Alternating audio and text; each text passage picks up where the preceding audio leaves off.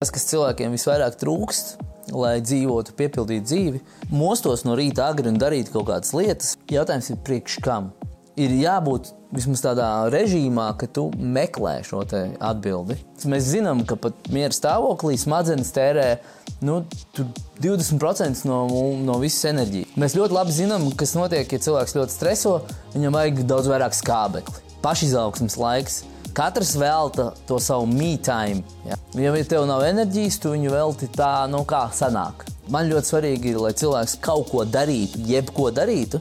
Viss, kas pietrūkst pārsvarā, ir tāds liels mērķis. Mēs paņemam sevi kā nulto, nulli punktu, izvēlamies to, kas mums būtu pats svarīgākais, un to noliekam kā galveno prioritāti. Man nebija problēmas iemigt, bet tas nenozīmē, ka es labi gulēju.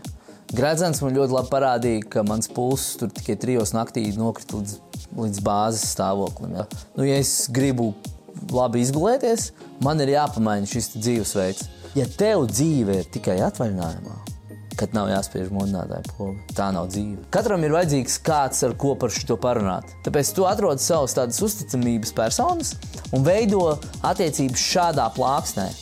Man, man ļo, liekas ļoti fantastiski, ka mēs dzīvojam laikmetā, kurā tie, tās iespējas komunicēt ar cilvēkiem ir tik daudzveidīgas, nekur nav jāsteidzās. Visas labās lietas prasa ilgu laiku bieži vien mums ir iepotēta tāda sajūta, ka mums kaut kas ir jāpaspēj līdz kaut kādam brīdim. Ja? Bet savukārt es jau saku, man es nekur nesteidzos. Uh, viss prasa tik, cik prasa. Un pārsvarā tas prasa ilgu laiku, ja tas ir kaut kas labs un vērtīgs.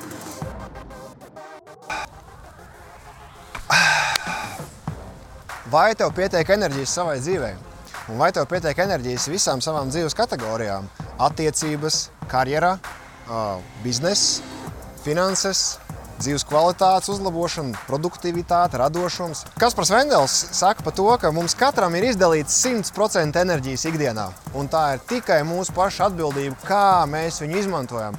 Un tāpēc ir ļoti svarīgi saprast, kas ir tavu mērķi, kur tu ieguldi savu enerģiju. Kaspars saka arī, ka mums nevajag kāpt ārā no komforta zonas. Tas, ko mums vajag darīt, ir šo komforta zonu paplašināt, lai tu vari darīt pilnībā to pašu, tikai tu jūties komfortā tajā, ko tu dari.